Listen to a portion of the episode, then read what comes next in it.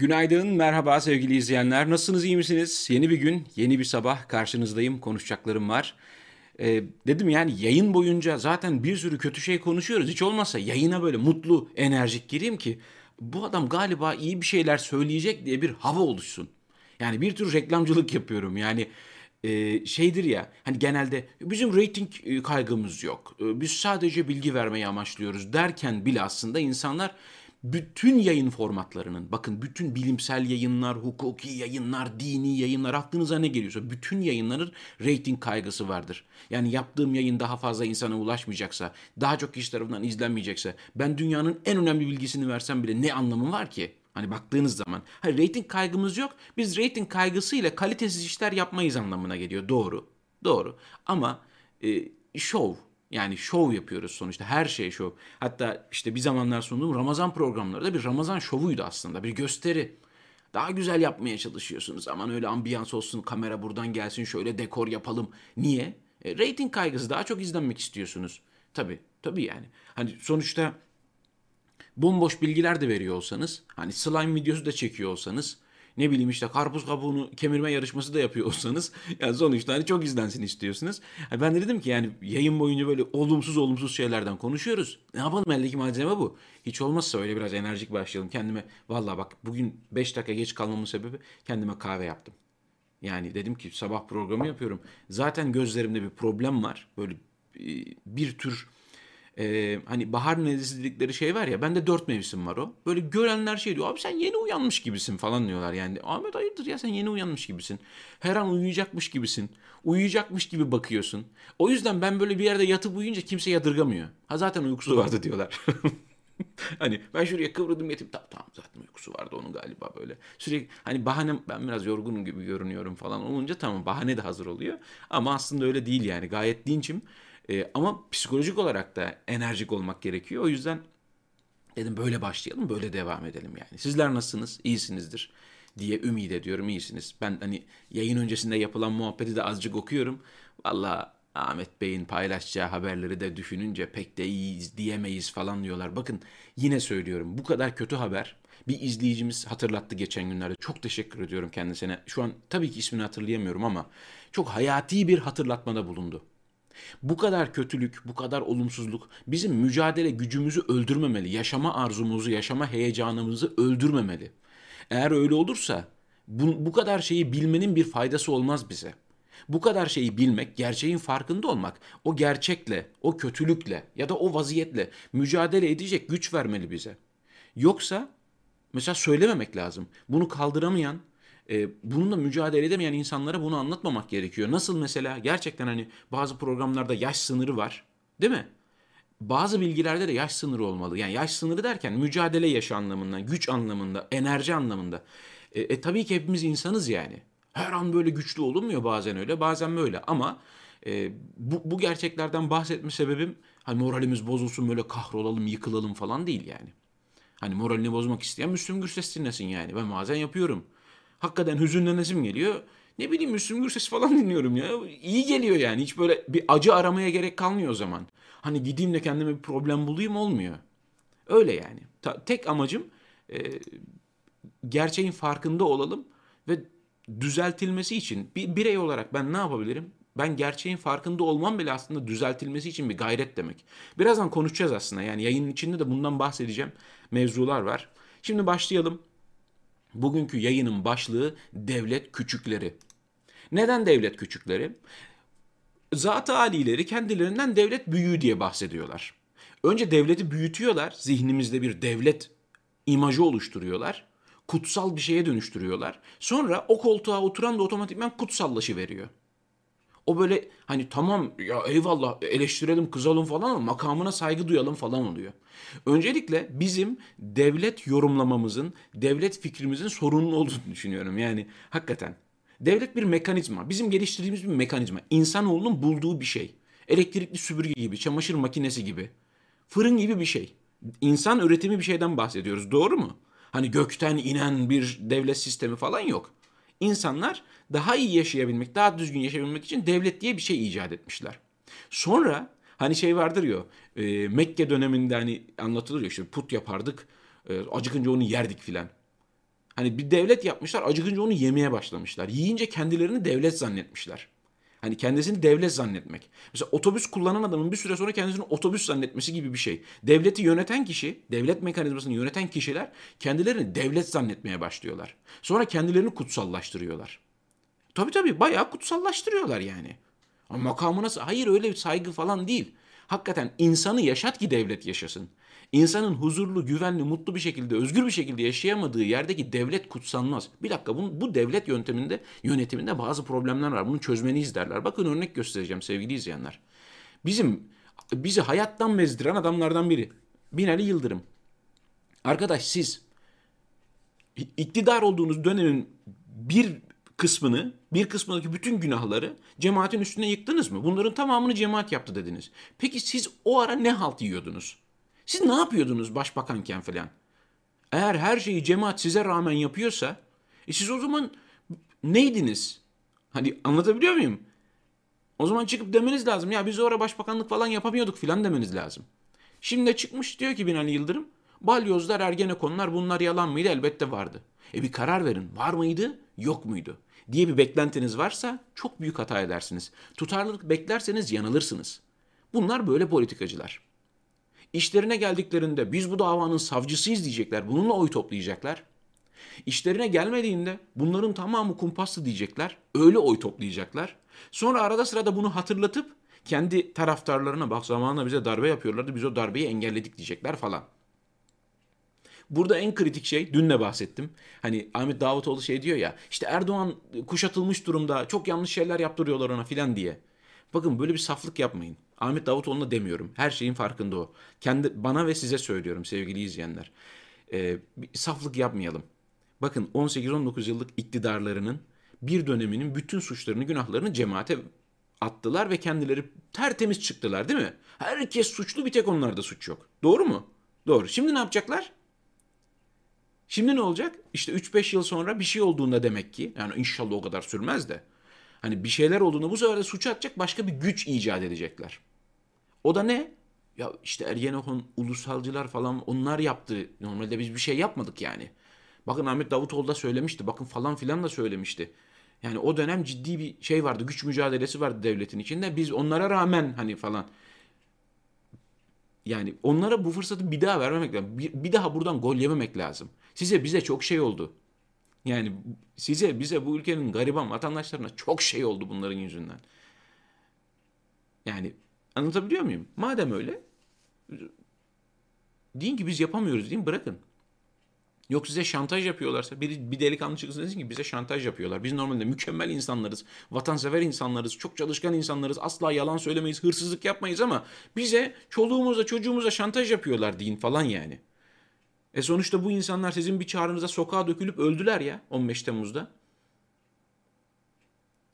Çıkın deyin ki bizim çocuğumda falan şey, o, ama böyle bir şey olmadığını çok iyi biliyoruz. Bir daha böyle bir saflık hani olur da hani aramızda böyle saflar çıkar benim gibi saflar.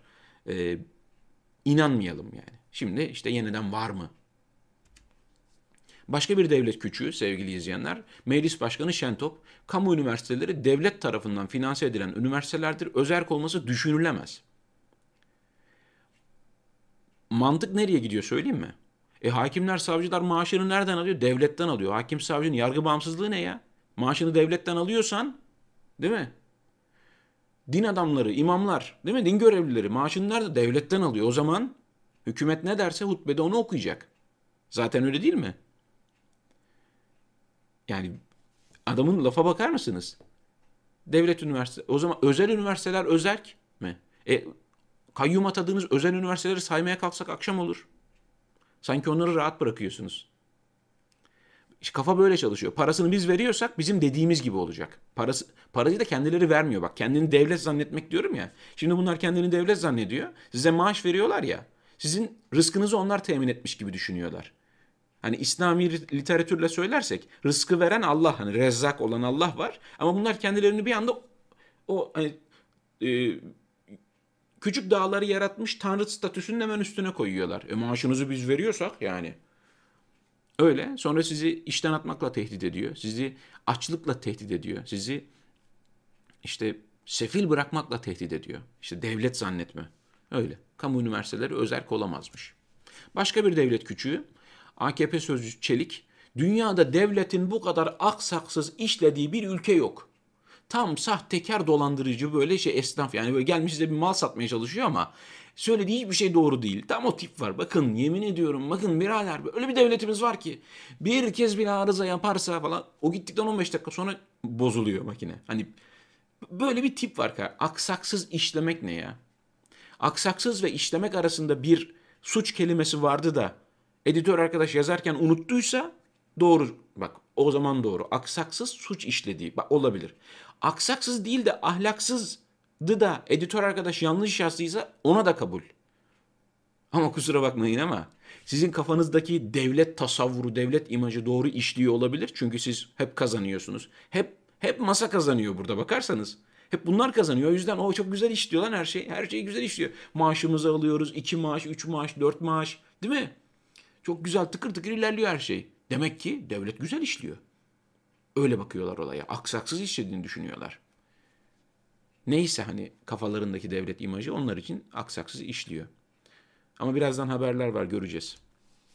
Bakın başka bir devlet küçüğü İçişleri Bakanı Soylu annemle fotomun altına küfreden alçak mahkemeye çıkıyor ve adli kontrolle serbest. Bakan olsam ne yazar? Evet bakan olsanız ne yazar? Bu doğru. Yani şimdi mesela mahkemeye çıkan kişi, sizin alçak dediğiniz kişi, mesela suçsuzsa, gerçekten suçsuzsa, bağımsız da bir yargı varsa, serbest kalıyorsa, sizin bakan olmanızın falan hiç büyük mü yoktur. Adalet karşısında herkes eşittir. Şayet gerçekten annenize küfreden böyle bir alçak varsa, yazın Twitter'da kampanya yapalım tutuklansın. Öyle oluyor çünkü biz vatandaşlar böyle mücadele etmeye çalışıyoruz. Suçlularla, katillerle, tecavüzcülerle böyle mücadele etmeye çalışıyoruz. Twitter'dan filan kampanya olunca tutuklanıyorlar çünkü. Başka türlü tutuklanmıyorlar. Hatta bazıları için biz özellikle kampanya yaptık yine tutuklamadılar. Belki Süleyman Soylu'nun haberi yoktur.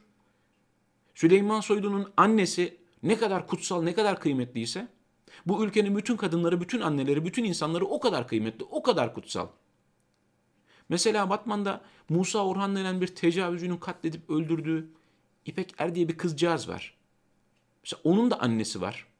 O ana da ağlıyor. Mesela Süleyman Soylu o ananın da hani uğradığı adaletsizliği gidermek için belki bir şey yapabilir. Ya bakan olsam ne yazar? Ne, ne bekliyordunuz? Genelde öyle işliyor ya mekanizma. Nasıl olduysa işte adli kontrolle serbest bırakılmış. Ama adli kontrolle serbest bırakılan sadece o değil ki. Buyurun. Bakın haberi okuyamıyorum sevgili izleyenler. Şu haberin detaylarını ben okuyamıyorum. Siz gördünüz bu haberi. Görmüşsünüzdür. Bu kadar kötü haberi sizle paylaşmak zor ama yani bakan olsam ne? Evet bakan olsan ne ya sen? İçişleri Bakanı olsan ne olmasan ne? Bak ülkede bunlar oluyor Sayın Süleyman Soylu. Evet yönettiğin İçişleri Bakanlığı bu o hasta yata, hastane yatağında yüzde 99 engelli yatan o kadını korumakla görevliydiniz. Yok Dicle'nin kenarındaki kuzuyu kurt kapsa edebiyatını yapıyorsunuz. Buyurun. Kaç tane kuzuyu kurt kaptı? Ya buyurun. İşte. Adamlar adli kontrolle serbestler. Anneyi ve avukatı da tehdit etmeye devam ediyorlar. Yapın bir şey.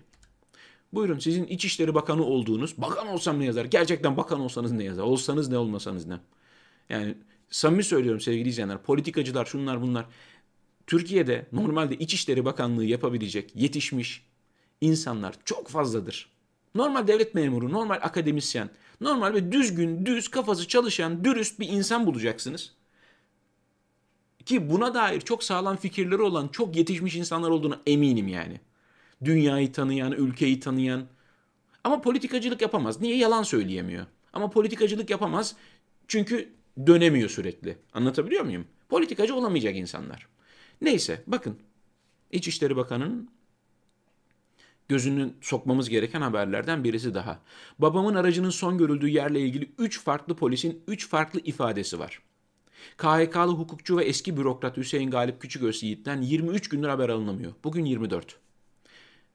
Kızı babasını arıyor. Bir kız çocuğu babasını arıyor sevgili izleyenler. Bunu Twitter'da yazdım. Yüz binlerce kez görüntülendi bu tweet. Benim gibi kızın babasını arayan bu kızın sesini duyurmaya çalışan binlerce insan var. Binlerce hak savunucusu var. Farklı farklı mahallelerden, farklı farklı görüşlerden, ortak noktaları adalet olan insanlar. Ya diyorlar ki bakın bu kız çocuğu babasını arıyor. Ey devlet, ey devletin büyükleri, İçişleri Bakanı, hakimler, savcılar. Hani böyle sizden habersiz yaprak bile kımıldamıyor ya. E o zaman bu adamı da siz mi kaçırdınız? Kimsenin umurunda değil. Kimsenin umurunda değil. Ya düşünün 18. gün filan bir savcı atadılar bu konuya. Ne telefonunu takip ediyorlar. Bakın ne telefonunu takip ediyorlar bu adamın. Ne son görüldüğü yer ne bilmem ne. E tabi bütün şüpheler otomatikmen geçen de verdiği bir örnekte olduğu gibi biz size bir bankanın anahtarını teslim ettiysek bekçilik yapın diye. Orada da bir soygun olduysa birinci şüpheli sizsinizdir. Yani. Öyle. Bütün bunlar olurken dünyanın başka bir yerinde Almanya'da gündem şu sevgili izleyenler. Almanya'da yumurta tavukçuluğunda ekonomik getirisi olmadığı gerekçesiyle erkek civcivlerin itlafı 2022 yılından itibaren yasaklanacak. Yani düşününce bile insanın içi sızlıyor değil mi? Bak itlaf edilen civcivler. Biz ne zaman buraya geleceğiz? Bu ne zaman bizim gündemimizde bu adaletsizlik olacak? Mesela Türkiye'de yok mu bu durum? Türkiye'de de var bu. Ama Almanya'nın buna ayıracak zamanı, gündemi, enerjisi var. Biz biz biz çocuklarımızı kurtaramıyoruz ellerinden. Yani biz bu adaletsizliğin içinden çocukları kurtaramıyoruz. Yani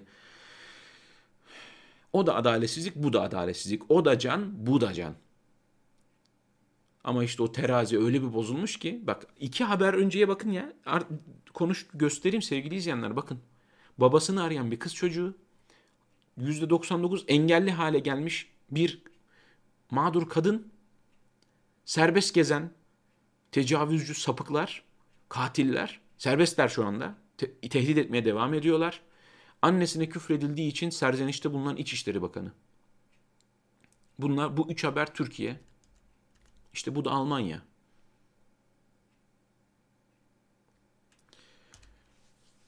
Devlet küçükleri. Erdoğan tek parti faşizmine özlem duyanlar olduğunu biliyoruz ve onların özlemlerini gidermek için ellerimizden geleni yapıyoruz. Evet, tek parti faşizmi. Vay be. Vay be. Düşünüyorum acaba Türkiye'de mesela e, Türkiye Cumhuriyeti kurulduğunda e, Mustafa Kemal direkt çok partili rejim inşa etseydi. Cumhuriyet kuruluyor ve direkt çok partili başlıyor. Demokratik seçimler oluyor falan filan. Hiç tek parti dönemi yaşanmıyor. Misal söylüyorum. Hani tarih farklı ilerleseydi. Erdoğan neyden bahsedecekti bu sefer?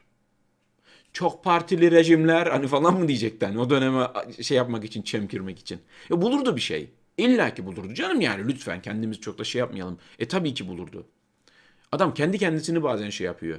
Hani hiç saldıracak bir şey bulamayınca kabul ederim ki biz İstanbul'a ihanet ettik diyor. Mesela kendi kültürümüzü inşa edemedik. Şu konuda başarısız olduk falan deyip kendisini eleştirebiliyor. Yani saldıracak bir şey bulamayınca aynaya bakıp falan yapıyor.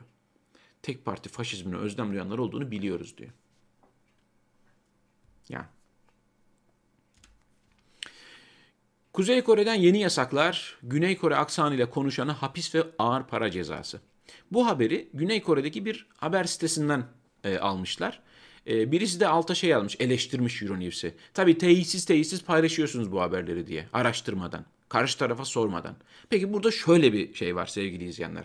Diyelim ki Kuzey Kore'nin feci kötü bir imajı var. Aslında Kim Jong o kadar da kötü birisi değil ya. Şirin tonton birisi. Ülkesini de adaletle, güvenle, huzurla yönetiyor. Herkes çok memnun ama sürekli yalan pompalanıyor dış güçler tarafından. Bu haberin doğruluğunu teyit etme şansımız ne kadar? Mesela Kuzey Kore'ye hani bu konuda gazeteci gönderebilir misiniz? Hani gidip soracak, araştıracak, bulacak falan filan gibi. Yani öyle. Güney Kore aksanıyla konuşanlara hapis ve para cezası. O doğru mu? Olabilir mi? Kesinlikle olabilir bu arada yani. Türkiye'de bir ara yani bir dönem Kürtçe konuşmak yasaktı ya. Kürtçe şarkı söylemek, Kürtçe şarkı dinlemek, Kürtçe kasetler falan yasak da hatırlayın sevgili izleyenler. Ya, Türkiye'den bahsediyoruz. Uzak bir tarihten de bahsetmiyorum yani. Çocuklar, insanlar kendi çocuklarına istediği ismi koyamıyordu. Yazdıramıyorlardı kimliklerine. E bugün bile, e bugün bile ya e, Ahmet Davutoğlu'na saldırmak için MHP'nin kullandığı şey ne? Serok Ahmet. Serok ne? Kürtçe başkan demek. Kötü bir şey mi? Neden olumsuz bir şeymiş, kötü bir şeymiş gibi bunu şey yapıyorsunuz? Kullanıyorsunuz. E, bir dile saldırı yapıyorsunuz. Bu suç. Bir dili küçük küçümsemek, hakaret etmek. E suç. Yani o yüzden hani Kuzey Kore'de bu olabilir mi? Tabii ki olabilir yani. Tabii ki olabilir. 2023'ü işaret eden Erdoğan sandıkları çatlatacak, patlatacağız. Galiba bir seçim şeyine sokmaya çalışıyorlar ülkenin atmosferini. Çok ihtiyacımız var gerçekten. Seçim atmosferine de çok ihtiyacımız var. Ee, yani var yani demek ki. Sandıkları çatlatacak, patlatacaklarmış sevgili izleyenler. Yani 2023'te seçim olacak. Tabii 2023'ü işaret etmelerinin altında şey de var hani Lozan'ın gizli maddeleri 2023'te kalkacağı için ondan sonra şaha kalkacağız hani. Yani diyorum ya böyle bir yalana, böyle bir e, propagandaya inanan yüz binler, milyonlar var sevgili izleyenler. Birazdan geleceğim. Bununla alakalı çok güzel bir tweet var. Erdoğan'ın zihinsel noktada bir tedaviye ihtiyacı var dediği, yani açıkça işte geri zekalı, beyinsiz falan dediği, mevkidaşı Macron'a yazdığı mektubun bir kısmı basına sızdı. Sevgili Emmanuel Macron. Arada sırada kendi taraftarlarımı gaza getirmek, onların böyle yani işte biraz dünya lideri olduğumu hissetmeleri için sana ya da başkalarına çemkirdiğim oluyor da sen bakma. Sen beni biliyorsun hani. Artık ne yazdıysa. E bu kadar. Bu kadar. Hani biz biliyoruz da ah keşke. Trump 4 yıllık görev süresi içinde 30.573 kez yalan söylemiş. Yanıltıcı beyanda bulunmuş. Yani saymışlar valla. Ben de dün bu haberi görünce bir hesap yaptım. Ee, Recep Tayyip Erdoğan'ın şu ana kadar 2500'ün üzerinde her gün devam eden yalanı var. Her gün bunun üstüne bir tane daha ekleniyor. Hiç konuşmasa mesela o gün. Hiç konuşmasa, hiç medyaya çıkmasa, hiçbir açıklama yapmasa bile o gün bir tane yalan yazabiliyoruz hesabına. O da ne? Cumhurbaşkanı olması. Diploması yok. Diploması olmadığı için bize her gün yalan söylüyor. Yani Cumhurbaşkanlığı yalan yani. Bir yalan üzerine kurulu her şey. 30.573 4 yılda bu kadarsa 20 yılda ne yapar falan böyle bir hesap yapılabilir. Trump gitti, Biden geldi. Ha ne olacak? Hani inşallah dünya için iyi bir şey olur yani. Yani böyle hani Biden hastası falan da değilim. Ee, ama inşallah dünya için iyi olur. Böyle faşist, böyle şovenist, böyle milliyetçi, böyle ırkçı, böyle dinci liderlerin e, teker teker kaybettiğini görürüz. Allah sıralı gidişler nasip etsin diyelim bari. Gelir İdaresi Başkanlığı 2019'un vergi rekortmenleri listesini yayınladı. Kamudan 130 milyar dolara yakın ihale alan ve beşli çete olarak anılan Cengiz, Kolin, Kalyon, Limak, Makyol'un sahipleri ise ilk yüzde yer almadı. Ya, işte o vergi borçları silinmeseydi, ah silinmeseydi gireceklerdi vergi rekortmenleri listesine ama kısmet yani. Ülkemiz için o kadar ağır işler yaparken, o kadar yorulurken ona da fırsat olmamış sevgili izleyenler. Aslında vergi rekortmeni kim biliyor musunuz? Dün ben bir tweette gördüm de onu almayı unutmuşum ya. Vergi rekortmeni sizsiniz ya. Siz biz normal vatandaş ya vergi rekortmeniyiz. Mesela cep telefonu alıyorsunuz. Sadece cep telefonunu aldığınızda cep telefonunun fiyatının iki katı kadar vergi ödüyor. Araba alıyorsunuz üç tane de devlete veriyorsunuz. Sigara içiyorsunuz bilmem ne kadarı. Yemek yiyorsunuz bilmem ne kadarı. Yani aldığınız her şeyde zaten o kadar yüksek miktarda vergi veriyorsunuz ki eğer gelire oranla vergi vermeyi kıyaslayacak olursak yani diyelim ki 2000 lira kazanan bir adamın ödediği vergi onun kazancının yüzde kaçı yapıyor? Eğer böyle bir kıyas yapacak olursak vergi rekortmeni normal gariban işçisi memurudur yani. Yani çok yüksek miktarda vergi ödüyorsunuz zaten ödüyoruz. İşte otoyollardan, köprülerden, tünellerden, geçmeler şunlar bunlar. Ne biçim vergi var. Artıyor bu da gittikçe. Cumhurbaşkanı Erdoğan varsa bizimle rekabet edecek birileri her türlü yarışa hazırız. Tutuklamayacaksınız ama hani ona göre hani yani suikastla muyukastla tehdit etmeyeceksiniz. Cenazelerde yumruklattırmayacaksınız, linç ettirmeyeceksiniz. Sokak ortasında dövdürtmeyeceksiniz. Hani bunları baştan konuşalım bir normal bir şey yazalım. Hani ne derler? Bir liste hazırlayalım. E, ona göre hani. Kolay mı ya öyle sizle yarışa girmek? Girenin ne olduğunu görüyoruz yani. Daha 2-3 yıl önce beraber siyaset yaptığınız, hükümet kurduğunuz, bakan yaptığınız, başbakan yaptığınız adamı nelere ne durumlara soktunuz? Yani öyle kolay mı sizde rekabet yapmak? Yarışmak. Hangi konuda? Evet. Banu Güven'in şu tweetini dikkatinize sunuyorum sevgili izleyenler. O Lozan'ın gizli maddeleri yalanına inananlar falan diyoruz ya. Buyurun buradan okuyalım. Şaka gibi alttaki tweet açıklamış bize. Texas senatörü Ted Cruz, Amerika'yı Paris İklim Anlaşması'na döndüren Joe Biden'ın Pittsburgh'daki istihdam imkanlarından çok, hani bak Pittsburgh'u şöyle düşünün, e, Türkiye'nin Çorum'u, Yozgat'ı, Konya'sı gibi düşünün. Hani kıyas yaparken öyle düşünün. Paris'i düşünüyor da Yozgat'ı düşünmüyor. Hani öyle düşünün bunu. Pittsburgh'daki istihdam imkanlarından çok Parislilerin görüşlerine değer verdiğini yazmış. Anlaşmanın adında Paris var ya, ya tutarsa diye. Capitol Hill'i basanlar buna inanır tabii. Bakın gidip kongreyi basanlar buna inanan beyinler. Paris Anlaşması ya. Sen Paris Anlaşması'na imza atarak Parislileri düşünüyorsun, onların rahatını düşünüyorsun. Peki Pittsburgh, Pittsburgh'dakiler ne olacak? He?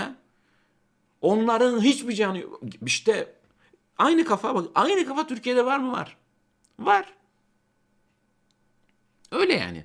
İşte bu şekilde politika yapanlar kendilerine böyle bir hazır bir kitle oluşturuyorlar ve oradan yürüyorlar. Yeter ki inandıracak bir kitle bulsunlar.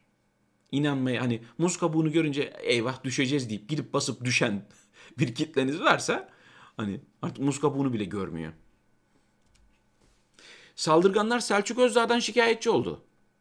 Ya bize karşılık veriyor ya. Kendini korumaya çalıştı bize vurdu falan mı diyecekler yani. E, herhalde öyle demişlerdir zaten ben okudum. Ya işte bizim silahımız sopamız yoktu. Aslında onun elinde silah ve sopa vardı bilmem ne falan. Yani e, tamam biz saldırmış olabiliriz. Hakim Bey tamam biz saldırmış olabiliriz de. Yani karşılık vermek nedir? Kaç yaşında adamsın? Neden karşılık veriyorsun? Bırak dövüp gideceğiz yani. En fazla öldürürüz ne olacak? İlk ölen sen misin sokak ortasında? Öyle değil mi hakim bey? Falan diye. Herhalde böyle bir şey dediler yani. Gerçi böyle katiller, saldırganlar benim gibi konu, benim yaptığım tipleme gibi konuşmuyorlar ya. Bayağı böyle baktığınız zaman efendi efendi falan konuşanlar da var yani. Böyle çok güzel diksiyonu güzel bir şekilde öldürenler de var. Usulsüzlükleriyle gündemden düşmeyen Wushu da yeni perde, şampiyonlukları da sahteymiş. Burada büyük ihtimal varacağımız nokta şu. Wushu diye bir spor yok. Aslında ben yoğum hani. Tamam. Wushu diye bir şey de yok diye bir açıklama yapılırsa adamlar kendi kendilerine spor üretmişler, uydurmuşlar, şampiyonalara gitmişler, devletten ödül almışlar, ödenek almışlar bilmem ne falan. Hani en son herhalde buraya varacağız. Yani Wushu Federasyonu şu gördüğümüz aile ülkeyi yöneten siyasi iktidarın bir prototipi ya. Aynısı bak, aynısı. Damadını bakan yap, onu bilmem ne yap, onu bilmem ne başkanı yap, ihaleleri onlara ver. Öyle yani. Tam bir aslında yani Wushu Federasyonu tarafından yönetiliyor gibiyiz yani. En korkunç haberi buraya bıraktım sevgili izleyenler. Yayını bu dakikaya kadar izleyenler morallerini bozacak en güzel haberi görecekler şimdi. Moral bozmaya en uygun haber. NASA uzaydan çektiği fotoğraflarla bir haber vermiş bize sevgili izleyenler. Türkiye haritasını görüyorsunuz burada değil mi? Yeraltı sularının, yeraltı su kaynaklarının tükenmeye başladığını, kurumaya başladığını söylüyor e, ve Türkiye'yi uyarıyor. Yani içilebilir su kaynakları tükeniyor diyor. Aman dikkat diyor. Tabii NASA'nın fotoğrafları, NASA'nın görüntüleri e, Türkiye'deki işte adaletsizliği, hukuksuzluğu, yolsuzluğu, haksızlığı, e, yalanı, dolanı e, gösteremiyor henüz. Aşağı yukarı öyle böyle bir fotoğraf çıkardı. Onu çekecek olsaydı da böyle kıpkırmızı bir coğrafyayla karşılaşacaktık yine. Yani birbirimizi yerken, birbirimizi tüketirken sevgili izleyenler aslında yaşam alanımızı da, dünyayı da tüketiyoruz. Herhalde bir gün bir bakacağız. Ne oldu ya? Hani The Walking Dead olacak yani. Dış yürüyen ölüler falan görmeye başlayacağız. Allah Allah ne oldu falan. Nasıl ki koronayı başımıza biz kendimiz bela ettiysek, insanoğlundan bahsediyorum yani sonuçta siz biz yapmadık ama yine de insanlar yaptılar yani. İnsan ya yapacak bir şey yok. Her şey insanın başının altından çıkıyor ve şimdi de bir de kuraklık meselesi var. Ve bununla mücadele etmek de hiç kolay değil. Yani bu hani nasıl çözeceğiz? Susuzluğu nasıl çözeceğiz? Bu konuda endişelenmeliyiz. Baya baya endişelenmeliyiz hem de. Sevgili izleyenler gördüğünüz gibi bugün dedim ya ben kahvemi yaptım dedim. Hepsini içemedim ama bir kahve yapmış olmak, kahve hazırlamış olmak bile beni çok motive etti ve e, 30 dakikadır yayını gayet başarılı bir şekilde bu noktaya kadar getirdim. İzmir'den yazanlar var. Evet İzmir'de yine bir deprem hissedilmiş. E, çok geçmiş olsun. Yani yani inşallah daha beterini duymayız, görmeyiz. E, tabii çok yakın zamanda bir deprem yaşadığı için insanlar en küçük sarsıntıda bile çok fazla korkuyorlar. E, şimdi Türkiye'nin çeşitli yerlerinden böyle küçük küçük sarsıntı haberleri geliyor. Yani inşallah hani bu küçük sarsıntılar hani fay hatlarının böyle rahatlamasını sağlıyordur.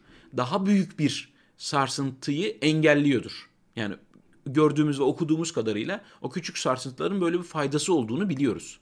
Daha büyüğünün gelmesini engelliyordur diye temenni ediyoruz. İnşallah ee, daha kötü haberler almayız. Evet kuraklık konusunda evet ormanları yok edersek olacağı bu. Bu hani şey nasıl ya kuraklık falan diye böyle şaşıracağımız bir şey değil. Kendi kendine geliyor. Kendi kendine yavaş yavaş görüyoruz yani biz kesiyoruz, biz yakıyoruz, biz yok ediyoruz. O betonu biz döküyoruz yani. Bu sadece bakın e, şey değil hani her şey hükümet falan toplum vatandaş olarak da çok farkında olmamız lazım. Ya ben söyleyeyim sevgili izleyenler bakın ben Çukurovalıyım. Yani benim çocukluğumda portakal bahçesi olan yerler. Dümdüz arazilerden bahsediyorum. Çocukluğumda portakal bahçesi, zeytinlik, incirlik, buğday tarlası olan yerler. Ya bugün Google Earth'ten bile baksam görüyorum ki her taraf apartman olmuş. Kozan'dan bahsediyorum. Her taraf tarlaydı, her taraf portakal bahçesiydi, zeytinlikti. Yani bizim top oynadığımız zeytinlikler, oynadığımız, çocukluğumuzu geçirdiğimiz zeytinlikler tamamen bina olmuş durumda. Portakal bahçeleri bina olmuş durumda. Yok portakal falan kalmıyor. Yani bunu bunu vatandaş, normal vatandaş yapıyor. Ev yapıyor oraya. Biz yapıyoruz. Müteahhitler şunlar bunlar yapıyor. Yani elbette burada devlete düşen önemli bir görev var. Yani görevin %99'u ona devlete düşüyor. İzin vermeyeceksin. İmara açmayacaksın. Git binanı tarıma elverişli olmayan şuraya yap diyeceksin. Sen o izni verirsen kusura bakma ama müteahhiti bilmem nesi gider oraya yapar onu. Yani biz yap ne yapıyorsak kendimize biz yapıyoruz. İnsanın içi acımıyor mu ya? İnanın ben böyle hakikaten yani ben bu aralar böyle Google Earth'ten falan çok bakıyorum böyle. Ha burası ne olmuş, şurası ne olmuş, İstanbul'da şurası vardı falan diye böyle. Baya şey net gösterebiliyor bazı yerleri biliyorsunuz. Sadece yani 10 yıl önce 10 yıl sonra diye Google Earth'ten fotoğrafları karşılaştırdığımızda bile Türkiye'de yeşilin ne kadar azaldığını hep beraber görebiliyoruz yani. Bunu anlamak için işte NASA'da astronot olmaya bile gerek yok. Sadece dönüp çocukluğunuzun geçtiği tarlalara, bahçelere baksanız anlayabiliyorsunuz Türkiye'nin nereden nereye geldiğini ve nereye doğru gittiğini. Yani bu konuda haddinden fazla üzgünüm.